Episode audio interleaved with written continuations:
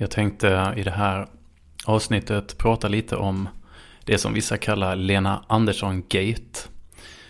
Nämligen en artikel som eh, Lena Andersson, författaren och eh, krönikören har skrivit om eh, svält och hungrande barn kan man väl säga.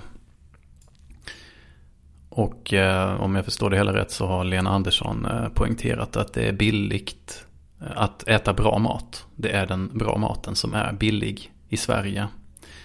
Och att eh, det är fel att påstå att vi har ett hungerproblem i Sverige och kanske ännu mindre ett svältproblem i Sverige. Om jag förstår Lena Andersson rätt. Däremot så har vi då föräldrar till barn som inte tar ansvar slash prioriterar rätt. Och eh, det här har väckt väldigt heta känslor. Och då förstår man ju att eh, debatten på något sätt eh, är angelägen även om ämnet kanske kan verka lite trivialt. Jag har frågat mig själv om detta är en kulturdebatt. Jag tänker Lena Andersson är en kulturpersonlighet. I alla fall så som jag känner henne. Men, eller känner till henne, för jag känner inte henne. Men jag undrar om det är en kulturdebatt. Det kanske är en mer vanlig samhällsdebatt. Men det är ju en kulturdebatt också på det sättet att det berör värderingar. Och eh, att det har blivit en värdedebatt. Och man skulle nästan kunna drista sig att säga att eh, det här är en eh, debatt emot den sanna värdekonservatismen i Sverige. Begreppet värdekonservatism eh, är ju egentligen inte något som vi tänker särskilt mycket kring och kanske inte associerar med den här debatten. Men här tror jag vi verkligen är inne på det som är en värde, riktig värdekonservatism i Sverige idag. När Lena Andersson kritiserar eh, och eh, trampar på nerver som är ganska känsliga. Och jag tänker att jag kanske kan prata lite om, om det här nu. Själva ämnet eller att, att det här har blivit så kontroversiellt understryker kanske också att det är ganska lätt att bli en eh, kontroversiell person i Sverige. Det är inte mycket som behövs förrän det ska bli tydligt att man är kontroversiell på ett sätt. Eller i något hänseende. Och eh, jag vet inte vad man ska säga om vad Lena Andersson har gjort som är så kontroversiellt. Det är ju kanske så här att hennes saklighet har blivit ett problem. Hon har varit alltför saklig i sitt sätt att presentera problemet och att rama in problemet. Jag tror att det kan vara så att eh, den här detaljrikedomen som Lena Andersson gå in på när det gäller olika maträtter eller kanske snarare råvaror så uppstår det en misstänksamhet mot den här detaljrikedomen. Och eh, vem är det som blir upprörd?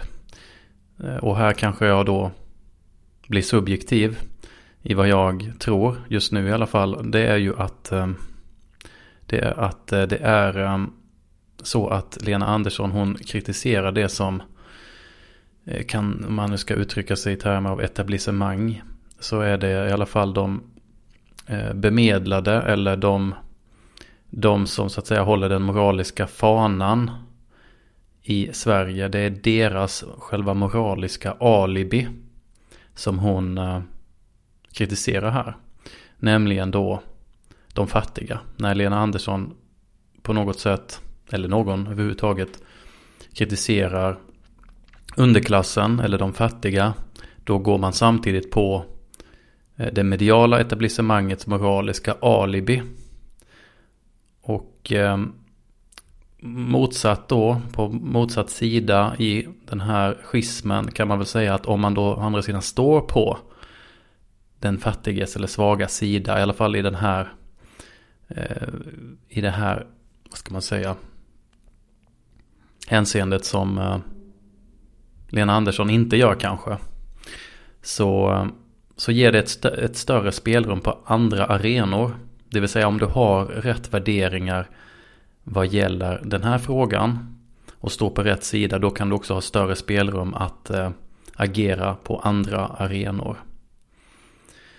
En annan sak som eh, jag tycker att den här konflikten eller den här kontroversen som har uppstått belyser är väl att eh, det är svårt att tala om ansvar. Eller personligt ansvar. Och eh, det har ju Lena Andersson även gjort i eh, någon boktitel vill jag minnas. Utan personligt ansvar hette den inte så en av hennes böcker. Men det är i alla fall framför allt ett moraliskt alibi som är kritiserat. Det är ju inte så att eh, eh, journalister kanske på ett mer genuint sätt varken tillhör de fattiga eller underklassen utan det är snarare deras moraliska alibi. Och det är det som blir känsligt när någon kritiserar. Och då blir det också svårt att hålla sig till sak. Och det har väl blivit Lena Anderssons problem att sakligheten har blivit ett problem för henne. Man blir misstänksam mot någon som är saklig i en fråga som egentligen står för någonting annat. Och vad det egentligen står för, ja det är det jag försökte säga här med ett moraliskt alibi helt enkelt. Och kontroversen gäller inte sakfrågan utan snarare hur en problematik är inramad. Hur sakfrågan ramas in. Och eh, då kan det vara så att Lena Andersson hon blir beskylld för att ignorera andra problem. Vilket inte alls betyder att hon gör eller att någon gör som eh, argumenterar så som hon gör.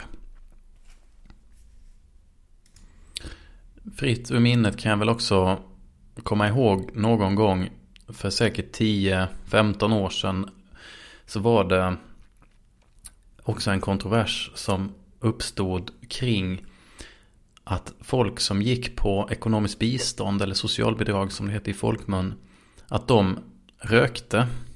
Jag vet inte om det var Janne Josefsson eller om det var Uppdrag granskning eller någonstans där detta lyftes upp och problematiserades. Men då kommer jag ihåg att det blev också kontroverser. Så det här spelar ju så att säga på samma arena. Det är mycket känsligt att eh, tala om prioriteringar och ansvar när det gäller frågor som eh, eh, berör de fattiga i samhället. Där kan man inte föra en diskussion om personligt ansvar utan att det blir politiskt kontroversiellt. Och det är ju ingenting konstigt i och för sig.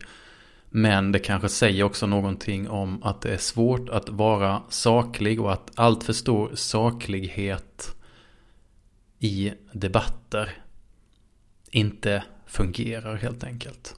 Och där tror jag väl snarare att Lena Andersson liksom jag själv och många andra som skriver egentligen kanske skulle hantera de här frågorna i litteraturen istället. Det är där man kan problematisera.